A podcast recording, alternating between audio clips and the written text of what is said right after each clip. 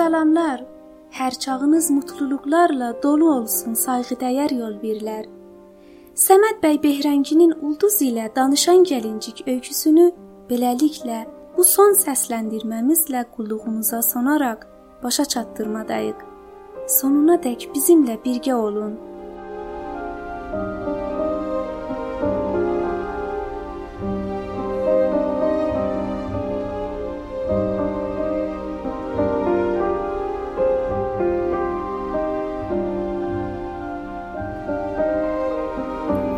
Analığın qayıtması.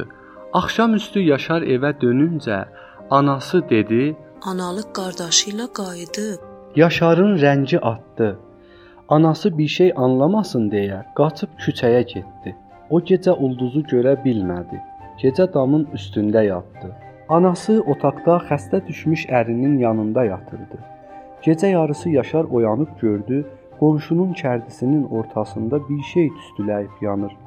Analıq da nəftiqabı əlində odun qırağında durub. Yaşar bir ara qayğı ilə baxdı, sonra girib yatdı. Ertədən ayağa durub iş dalısıca getdi. Ah, böyük gəlincik, niyə səni yandırdılar?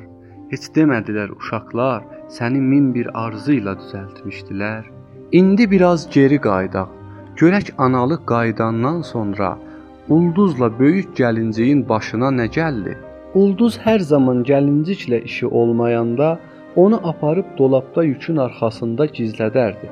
Beləliklə analıq birdən yetişdiyində heç zat görmədi. Yalnız ulduzu kərdinin qırağında oturub barmaqlarını sayarkən gördü. Gülsüm də həyəti süpürürdü. Ata otaqda şalvarın ütüləyirdi. Analığın qardaşı elə həmin gün axşamüstü qayıtdı. Ancaq getmədən öncə azca ata ilə danışdı. Ulduz az-çox ona görə danışmaqlarını anladı. Elə bil analıq ata ilə qardaşının yanında ulduzun əlindən gileylənmişdir. Gecə yatmaq zamanı pis olay qabağa gəldi. Analıq yorğan döşəyin götürəndə gördü yekə qılıqsız bir şey yükün arxasına düşüb. Tezliklə çığır-bağır düşdü. Bəlli oldu o yekə, qılıqsız şey ulduzun gəlinciyi idi. Uşaqlar düzəldən gəlinciyi idi. Analıq böyük gəlinciyi pəncərədən bağçanın ortasına atıb ulduzun başına çığırdı. Yuat taxtına düşəsən bu gəlincik düzəltməyinlə. Qorxutdun məni. Necə mənimlə inad etdiyini sənə göstərəcəyəm. Təzə özümü qurtarmışdım o bir gəlinciyin şərrindən. Yenə sən istəyirsən bizdən yaxşılarının mı ayağını atasan bu evə, hə? Ata mat qalıb deviçmişdir. Düşünürdü ki, belə bir gəlincik bu böyüklükdə hardan gəlib. İnanmırdı heç bunu ulduz düzəldibdir. Ata dedi: "Qızım, bunu hava düzəldibsən mənim xəbərim olmayıb." Ulduzun ağzı danışmağa açılmırdı. Analıq dedi: Get dua et, bu durumda istəmirəm özümü əsəbi edəm. Yoxsa elə kötəkləyərdim, özüm qaçardım bu evdən. Analıq ərin göstərərək dedi: Mən bunun sözünə görə səni saxlayıram evdə. Atamla qardaşım məni yollamayıblar bu evə səni kənizlik etməyə. Qurtar day arvad, hər nə olsa uşaqdır, qanmır. Hər nə olursa olsun, Day mən bunun özünə dözə bilmirəm. Niyə bu oturur məni incik etmək üçün gəlincik düzəldir? Birdən-birə ulduz ağlamağa başladı və hönkürə-hönkürə ucadan dedi: Mən mən danışaq gəlincimi istəyirəm. Analıq danışan gəlinciyin adını eşidərkən daha da sinirlənib ulduzun saçlarını çəngələyib vəhşicəsinə dedi: Daha haqqın yox. O pasanağın adını mənim yanımda gətirəsən. Bildinmi? Mən istəmirəm qarnımda uşağıma bir şey ola. Belə şeylərin düşər düşməzliyi var.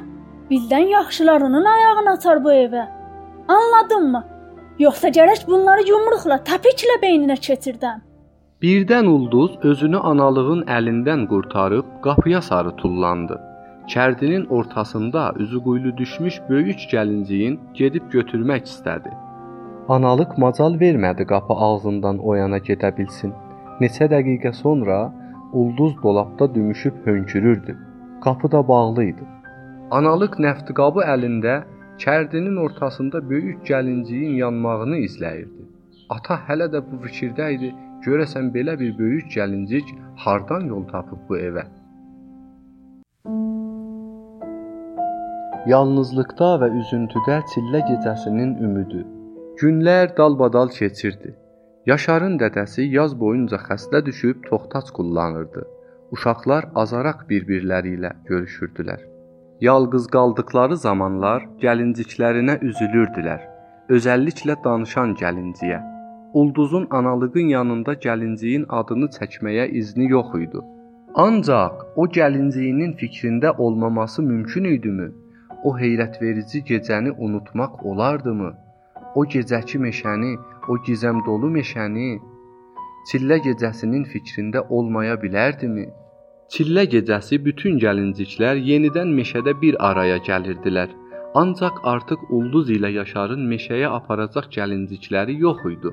Ah, danışan gəlincik, sən bu qıssaca ömrünlə elə uşaqların ürəyini etkilədin ki, sonsuzadək səni unutmayacaqlar. Günlər, həftələr, aylar keçdi.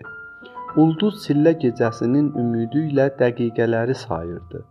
İnanırdı ki, o gecəyədək gəlincik nə olursa olsun özünü ona yetirəcək. Analığın qarnı burnundaydı. Doğacaq uşağına çox öyünürdü. Ulduzu hər balaca işə görə danlayırdı. Boş-boşuna ümid. Bütün sevincilərə nə oldu? Bir gün ulduzun atası elektrik tellərini quraşdıran birini evə gətirdi bir radio da aldı. O gündən sonra evdə elektrik lampası yanırdı. Radio səsi də hər yeri götürmüşdü. Çillə gecəsinə də ümid bağlamaq boşuna idi. Sanki danışan gəlincik sonsuza dək yox olmuşdu.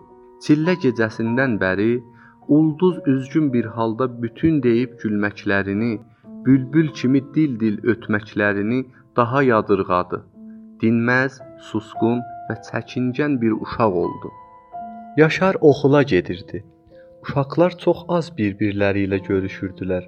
Ayrıca analıq Yaşarı evə qoymayırdı. Analıq deyirdi: "Bu avara başıbaş oğlan qızın tərbiyəsini daha da pozğun edir."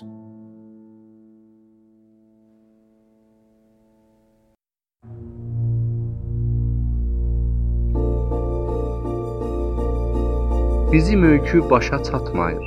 Ulduz ilə qarğalar. Kəsinliklə gəlinciklə uşaqların işinin hara çəkdiyini gözləyirsiniz. Qarğaların olayı qabağa gəlməsəydi, güman ki, ulduz niskildən ölüb əldən gedərdi. Amma qarğa nənənin tapılıb və uşaqların qarğalarla yoldaş olmağı işləri başdan dəyişdi. Ulduzla Yaşar yenə istəyə gəldilər və çox çalışandan sonra qarğaların şəhərinə yol tapa bildilər. Oxuyub bildiyiniz kimi, bir də Ulduzla Qarğalar kitabında yazıldığına görə, qarğaların olayı özü bir ayrı nağıldır. Danışan gəlinciyin nağılı burada bitir.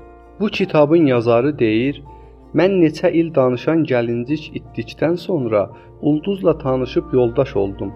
Elə Ulduzla Qarğalar kitabının başlığında Ulduzun öz yazdığına görə mən Ulduzun nənəsinin kəndində onunla tanış oldum.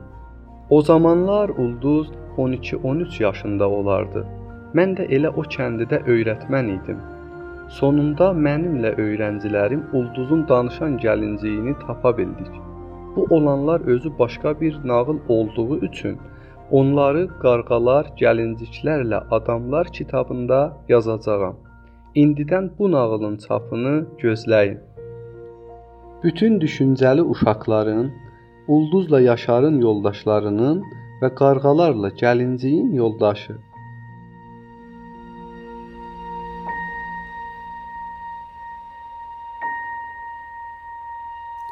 Beləliklə bu öykünü də başa çatdırdıq və əlbəttə ki, bu işə sizin mənəvi yardımlarınızla nail olmuşuq. Umuruq az da olsa xalqımızın müarifləndirməsində bir addım atmış olaq. Satın çevirmə taxımı vərindən hamınıza bizimlə yol bir olduğunuz üçün minnətdarlığımızı bildiririk. Bu iş üçün bütün əməyi keçənlərdən birəbir təşəkkür edə bilməsək də, elə burada hamısına baş əyib dərin minnətdarlığımızı bildiririk. Ən yaşıl ağaclar böyüyəcək hələ. Ən azad quşlar uçacaq hələ. Ən gözəl uşaqlar doğulacaq hələ. Bilmirəm harda, harda, amma gələcək uşaqlarındır. Təqdim olsun Azərbaycana və onun öz doğma dilindən məhrum olunmuş millətinə və təqdim olunur Səməd Behrənginin böyük və mübariz ruhuna. Və bizim axağımızın adresi Dastancadır. D A S T A N C A Bu bölümdə rolları səsləndirənlər Öykünü aparan İsmail Abid Analı Türkan xanım Ata Ərkin Məhəmmədi Gülsüm Aysu Şərifi Ulduz Aray xanım düzənləyən Səccad Müslimi və Saray Tahiri. sultana rastla